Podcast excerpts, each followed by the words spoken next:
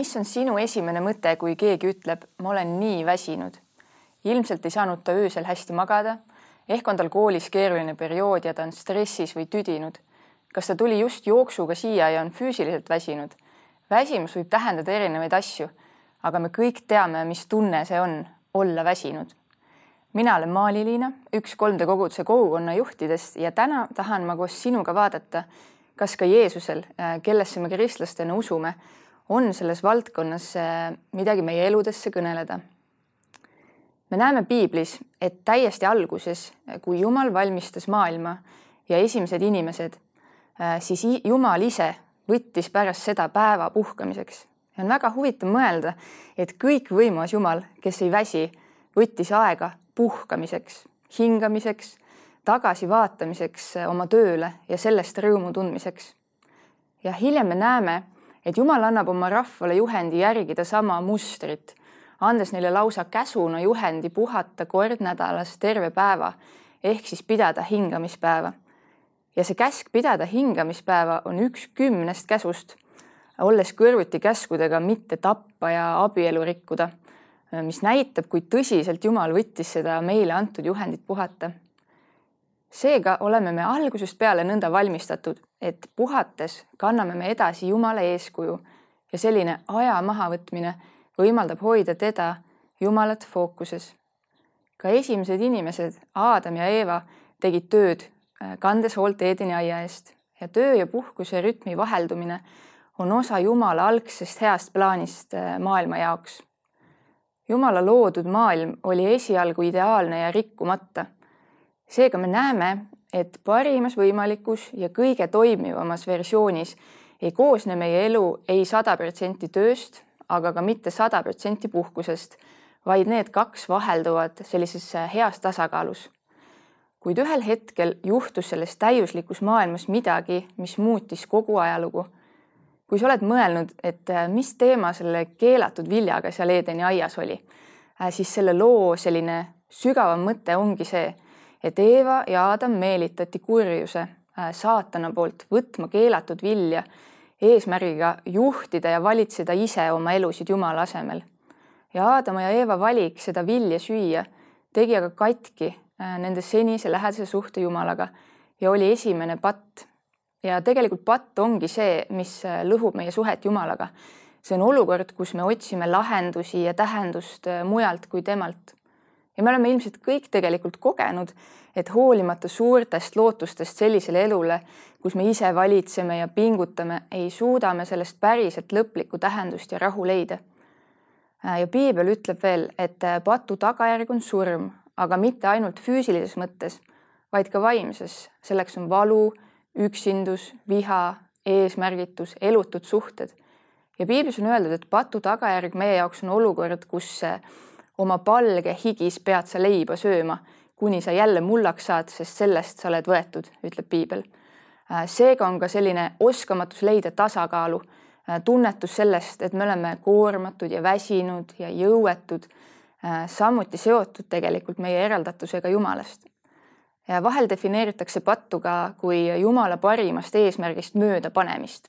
ja tulleski siis meie tänase teema väsimuse juurde siis äh, kuidas võime äh, siis selles temaatikas või valdkonnas äh, nii-öelda mööda panna Jumala esialgsest parimast plaanist ja mida sellega siis üldse peale hakata? ühest küljest võib olla nii, et puhkus saab meile liiga oluliseks, aga samal ajal võib olla ka nii, et puhkus saab meile liiga, liiga oluliseks. ja vahel inimesed ütlevad, et neil on nii palju käsil, et üldse pole aega puhata. aga kas ei ole nii, et vahel on see üks selline äh, kõige alandlikum kiitlemine, äh, mis võib kanda sõnumit, et ma ise olen nii võimekas, et ma puhkust ei vaja. proovin olla kõiketeadja, kõikesuutja, suurema uneta hakkama saav lõputu toimetaja, näidata, et suudan igast minutist äh, produktiivsuse välja pressida, nagu oleksingi ise kõikvõimas nagu Jumal. mis on ju tegelikult sama igatsus, mis oli Aadamal ja Eeval kui vaadata näiteks unebioloogiat, siis senimaani on veel päris selguseta, mis siis on ikkagi une lõplik eesmärk? arvatakse, et üks oluline aspekt võiks olla see, et unel on justkui koristaja roll, äh, sest une ajal eemaldatakse ajust äh, sinna kogunenud ainevahetuse jäägid, nii-öelda prügi, mis kogunedes takistab aju efektiivset funktsioneerimist. ja on leitud, et kui me ei maga piisavalt, ei suuda me keskenduda ja häid otsuseid langetada. näiteks on tehtud selline uuring, et kui inimene on järjest üleval seitseteist tundi, siis tema võimekus täita erinevaid nii vaimseid kui motoorseid ülesandeid on sama palju häiritud kui siis, nagu ta oleks null koma viie promillises joobes. seega vähene puhkamine halvab meie normaalset toimimist. samuti on leitud ka, et pikaaegne unevajadusest vähem magamine soodustab väga paljude haiguste teket. seega ka puhtalt sellisest bioloogilisest vaatest äh, võib öelda, et me vajame väga und ja puhkust.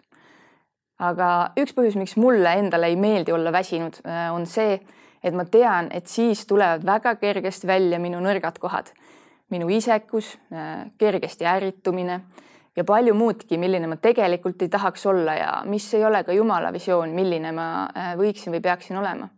väsimus teeb meid haavatavaks kiusatustele ja võiks öelda, et väsinuna väheneb meie võime teisi inimesi hästi armastada.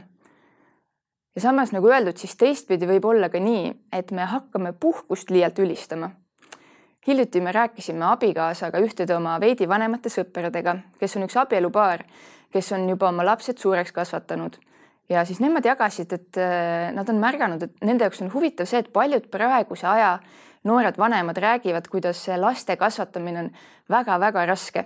Aga et nemad omal ajal ei osanud isegi niimoodi mõelda, neile tundus see väikelaste periood, kus on väga palju toimetamist ja vähe puhkust, lihtsalt osa tavalisest elust kus tuli teha, mis tuli teha ja nad olid rahul sellega, mis neil oli ja tundsid sellest rõõmu. aga vahel mulle tundubki, et minul ja võib-olla ka minust nooremate põlvkonnal äh, on nii, et me võime sattuda sellisesse mõttemalli, kus tegelikult tavalised eluosad, kasvõi seesama äh, laste saamine, kus äkitselt äh, tuleb hakata võrreldes tavapärasega väga palju enda mugavust ohverdama tunduvadki äärmuslikult rasked ja koormavad ja võib-olla on see osalt sellest, et me ei olegi oma eluajal näinud eh, selliseid väga suuri raskusi. Eh, ma kujutan ette, et näiteks sõja ajal võis laste saamine ja nende kasvatamine olla üks väiksemaid muresid, pigem ehk hoopis üks suurimaid rõõme lausa, võrreldes kõige muude raskustega, mida inimestel tuli taluda. ja loomulikult ma ei arva seda, et me ise peaksime teadlikult otsima raskusi ja kannatusi aga vahel võib tekkida olukord, kus meile tundub, et meil on nii-öelda õigus sellisele äh, tegelikult äh, veidi enesekesksele elustiilile. aga kuna see ootus nii tihti päriselus ei täitu, eriti kui meie ellu tulevadki teised inimesed või näiteks lapsed, kellesse tuleb panustada ja kellel on ka palju vajadusi, siis võib tulemuseks olla üks suur rahulolematus ja tunne, et midagi on justkui kogu aeg puudu või valesti. Minul ja mu abikaasal on kaks väikest last ja ma tunnen, et elu lastega on minu karakterit ja Jumala usaldamise võimet nende mõne aastaga kasvatanud enam kui peaaegu et miski muu. Ja kindlasti on see aeg olnud üks kõige tähenduslikumaid äh, minu elus, äh, kuigi kindlasti ka üks kõige väsitavamaid. ja vahel öeldaksegi, et raskused kasvatavad meid, aga ma arvan, et õigem mõte on ehk see, et raskused ise ei kasvata kedagi, sest vabalt võib nende tulemuseks olla ka suur kibestumus äh, ja pettumus. raskused äh, kasvatavad meid ainult siis, kui me ise oleme valmis teadlikult neis õppima äh, ja arenema. Kui ideaaliks on aga see nii-öelda kerge elu, siis võime nendest erilistest võimalustest tegelikult ilma jääda niisiis, puhkus võib olla liiga oluline, aga ka liiga väheoluline, mis mõlemad toovad kaasa mitmeid väljakutseid. aga mis siis võiks olla lahenduseks? ma usun, et probleemi tuum on lõpuks mujal kui näiteks oskamatus aja planeerimises. Ja Jeesuse pakutav lahendus ei ole lihtsalt head taktikad ideaalse puhkuse ja töörütmide tasakaalu kujundamiseks, sest isegi kui midagi sellist saavutame, on see justkui nagu peotäis liiva, mis kergelt sõrmede vahelt välja libiseb.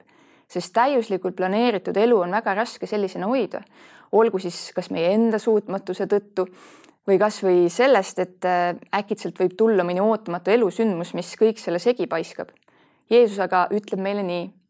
Tulge minu juurde kõik, kes olete vaevatud ja koormatud ja mina annan teile hingamise. võtke enda peale minu ike ja õppige minult, sest mina olen tasane ja südamelt alandlik ja te leiate hingamise oma hingedele, sest minu ike on hea ja minu koorem on kerge. seega Jeesus ütleb, et tema annab meile hingamise ja rahu ja et me õpiksime temalt.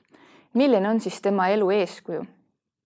Me näeme, et on hetki, kus tundub, et Jeesusel oleks justkui väga palju tööd, äh, tervendada haigeid ja võtta vastu kõiki neid inimesi, kes tema juurde tunglesid. ja ometi selle kõige sees suutis ta võtta hetki, et näiteks minna eraldatud paika palvetama. ja sama õpetas ta ka oma järgijatele. näeme piiblis hetki, kus Jeesus on aga ka väsinud ja näljane ja ometi püsib kaeblemata Jumala antud kursil. Äh, ta pingutab edasi raskustest hoolimata sest tema identiteet ei seisnud selle peal, mida ja kui palju või vähe ta tegi, vaid tema suhtel Jumalaga. ja tegelikult Jumal igatsebki ka meie jaoks sama, et meie identiteet, see, kes me oleme, põhineks suhtel temaga.